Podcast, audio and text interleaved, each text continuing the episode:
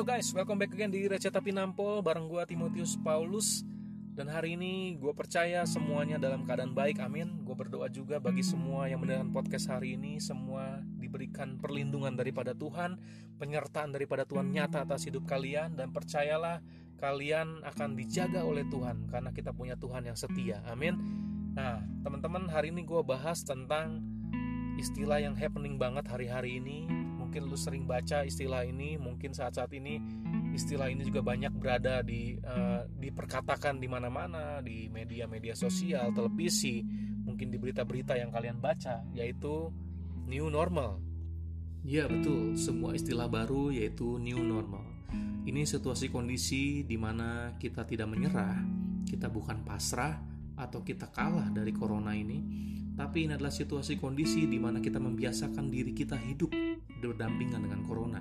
Artinya kita bukan kembali kepada kehidupan yang biasa atau yang pernah kita jalani atau kita sebut kata normal, tetapi kita memiliki kemampuan untuk beradaptasi dengan sebuah kesadaran penuh bahwa corona itu masih membayangi kehidupan kita.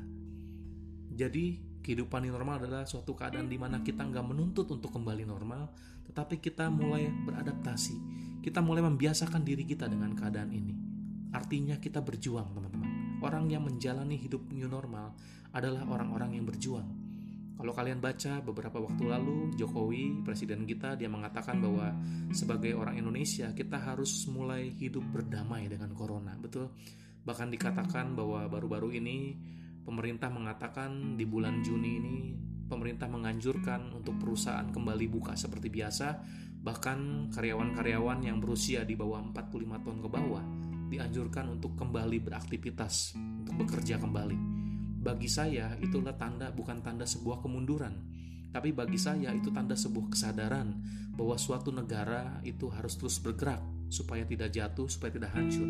Demikian juga Indonesia. Kalau roda ekonomi Indonesia tidak hancur karena corona ini, kita sebagai warga negara, kita harus terus bergerak. Tentu saja bergerak bukan dengan seperti kehidupan biasa, tapi kita bergerak karena kita memiliki kemampuan untuk beradaptasi dengan penuh kesadaran penuh bahwa corona itu masih ada. Makanya kita tetap berhati-hati teman-teman. Demikian juga anak-anak Tuhan. Anak-anak Tuhan di dalam masa pandemik ini, kita harus terus bergerak. Kita jangan pasif, kita jangan hanya berdiam diri saja, tapi kita harus bergerak Mengapa saya katakan seperti itu, teman-teman? Karena kita punya Tuhan yang bergerak, kita tidak punya Tuhan yang pasif, tapi kita punya Tuhan yang aktif. Artinya apa yang terjadi, teman-teman? Pekerjaan Tuhan selalu bergerak sesuai dengan perkembangan zaman. Amin.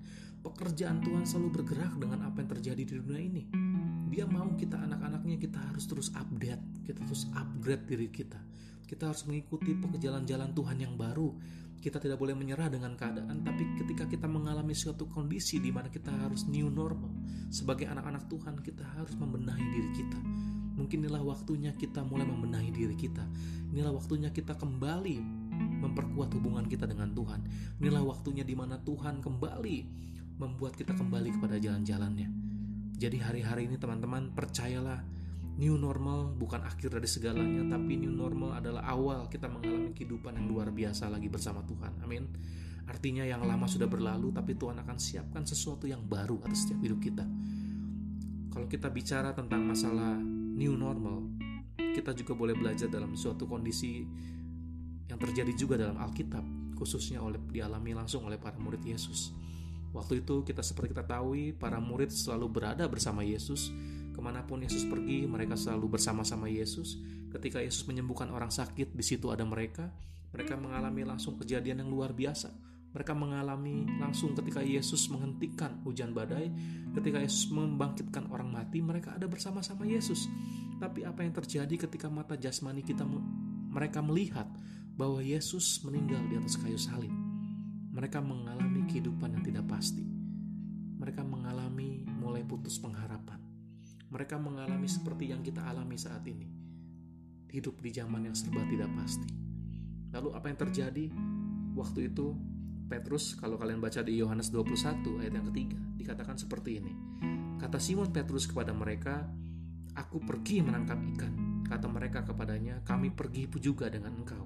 Mereka berangkat lalu naik ke perahu, tetapi malam itu mereka tidak mendapat apa-apa. Artinya apa, teman-teman? Petrus kembali kepada apa yang paling dikenalnya, dan itu adalah memancing ikan, karena dia adalah seorang nelayan, betul? Padahal Tuhan katakan, "Aku akan menjadikan kamu seorang penjala manusia." Tapi ketika ia mengalami kehidupan tidak pasti, ketika ia harus mengalami keadaan new normal, dia mulai kembali kepada apa yang paling dikenalnya, yaitu memancing. Bukankah sering kali kita sama seperti Petrus dalam masa perubahan atau ketidakpastian ini? Kita sering kali cenderung berpegang dan kembali ke cara lama, lama kita atau cara yang paling nyaman bagi kita kita menolak perubahan karena kita ingin tetap berada di zona nyaman kita. Tetapi kabar buruknya, jika yang kita pegang adalah dunia, maka dunia akan selalu berubah setiap saat. Sejarah mencatat bahwa selalu ada hal yang berubah di dunia ini. Tapi Tuhan kita tidak pernah berubah. Amin. Oleh karena ini, ketika kita menghadapi situasi new normal, kita harus bisa beradaptasi. Kita harus bisa membuat diri kita beradaptasi kita mulai membiasakan diri kita dengan keadaan ini. Kita harus move on. Kita harus bergerak maju. Kita jangan menyerah. Karena yang Tuhan inginkan sebagai anak-anaknya. Kita harus terus maju bersama dia. Kita jangan seperti Petrus yang ketika dia mengalami kehidupan yang new normal dalam hidupnya di mana Yesus tidak lagi bersama-sama dengan dia, dia kembali kepada apa yang paling dikenalnya. Dia tidak kembali kepada panggilan atau visi misi yang Tuhan berikan, tapi dia kembali pada apa suatu yang nyaman dalam hidup dia. Makanya hari-hari teman-teman ubahlah pola pikir kita tentang situasi kondisi normal. Mungkin dulu situasi kondisi normal ada sesuatu yang biasa kita lakukan, tetapi mulai saat ini jadikanlah situasi kondisi normal sebagai suatu harapan dalam hidup kita. Artinya apa? Artinya di dalam sebuah menanti sebuah harapan ini kita tidak lagi diam, melainkan tetap bergerak dalam keadaan yang tidak pasti ini sambil menanti harapan itu jadi. Jadi biarlah kita terus bergerak dan melakukan sesuatu yang baru kita harus mulai belajar membuka diri kepada sesuatu yang baru, maka di sana akan timbul sebuah kreativitas dan peluang. Jika kita memiliki pola pikir tersebut, maka kehidupan new normal kita akan menjadi sesuatu yang menarik, sehingga kita akan memiliki semangat yang baru. Mari teman-teman, inilah waktunya kita terus jangan lari dari kehidupan new normal ini, tapi biarlah kita beradaptasi dengan kehidupan new normal ini, dan percayalah Tuhan akan bersama-sama dengan kita. Amin. Waktu Petrus dia kembali kepada kehidupan normalnya sebagai seorang nelayan, firman Tuhan mengatakan dia tidak mendapat apa-apa. Tapi waktu kita menyambut kehidupan yang normal ini dengan iman dan harapan yang baru bersama Tuhan, percayalah bahwa Tuhan akan menyertai kita sampai selama-lamanya. Amin.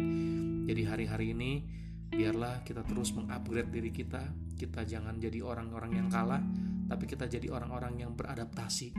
Kita menjadi anak-anak Tuhan yang mampu bertahan dalam kehidupan new normal ini. Dan biarlah dunia melihat bahwa sungguh anak-anak Tuhan adalah anak-anak diberkati dan anak-anak yang luar biasa, yang tidak mudah menyerah dengan keadaan. Oke teman-teman tetap semangat, percayalah kita anak Tuhan, jangan pernah iblis tipu kita dengan mengambil siapa diri kita dalam Kristus. Amin. Tetap semangat semuanya, Tuhan Yesus memberkati. thank you